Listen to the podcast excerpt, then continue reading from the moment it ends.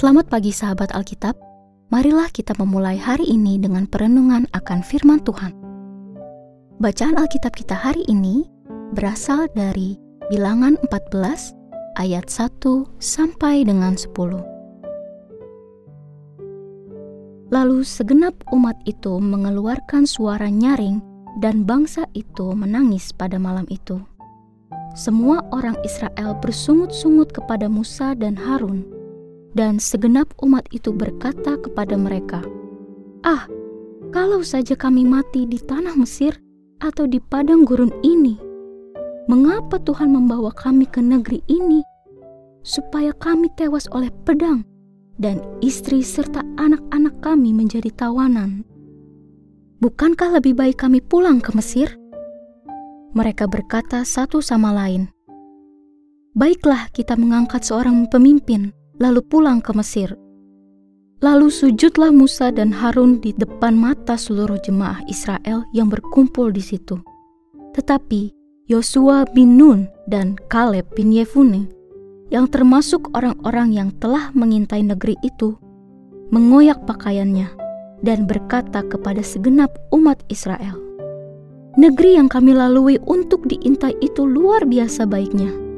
Jika Tuhan berkenan kepada kita, Ia akan membawa kita masuk ke negeri itu dan memberikannya kepada kita, suatu negeri yang berlimpah-limpah susu dan madunya hanya saja, janganlah memberontak kepada Tuhan dan janganlah takut kepada bangsa negeri itu, sebab mereka akan kita telan habis.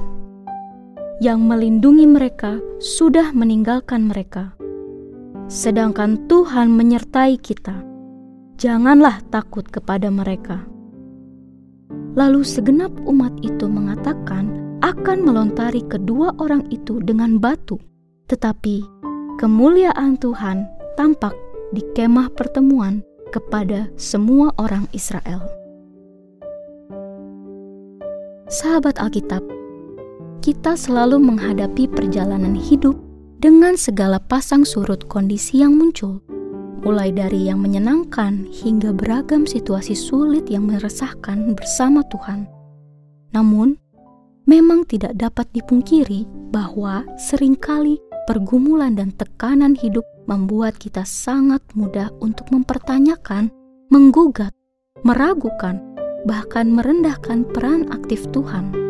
Hal ini pula yang terjadi pada bangsa Israel, tepatnya pada saat mereka sedang berada pada satu momen penting dalam perjalanan hidup dan iman mereka sebagai sebuah bangsa.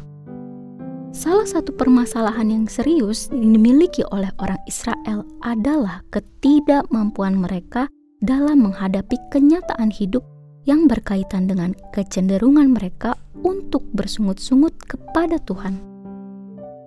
Fakta atas kekayaan dan kemakmuran tanah Kanaan ternyata menjadi seolah tidak berarti di hadapan bangsa Israel sebagai suatu yang sangat layak untuk diperjuangkan hanya karena fakta mengenai keberadaan para penduduknya. Mereka terlalu takut untuk menghadapi fakta tersebut, sehingga memilih untuk menyerah dalam memperjuangkan sesuatu yang penting dalam kehidupannya, bahkan untuk sesuatu yang sangat berarti bagi diri mereka sendiri. Perasaan minder dan takut memang bukanlah sesuatu yang salah untuk dialami oleh seorang manusia seorang umat Tuhan pun sangat mungkin untuk mengalami hal tersebut, dan itu sangatlah manusiawi. Namun, permasalahan yang esensial pada bangsa Israel terkait hal ini adalah kecenderungan mereka yang sangat mudah untuk melupakan Tuhan. Mereka tidak memilih untuk terus berjalan dan berjuang bersama Tuhan, melainkan merendahkan kuasa dan perkataan Tuhan itu sendiri Hal ini pun perlu menjadi pembelajaran iman yang perlu kita refleksikan ke dalam hidup kita masing-masing di tengah segala dinamika petualangan hidup yang ada.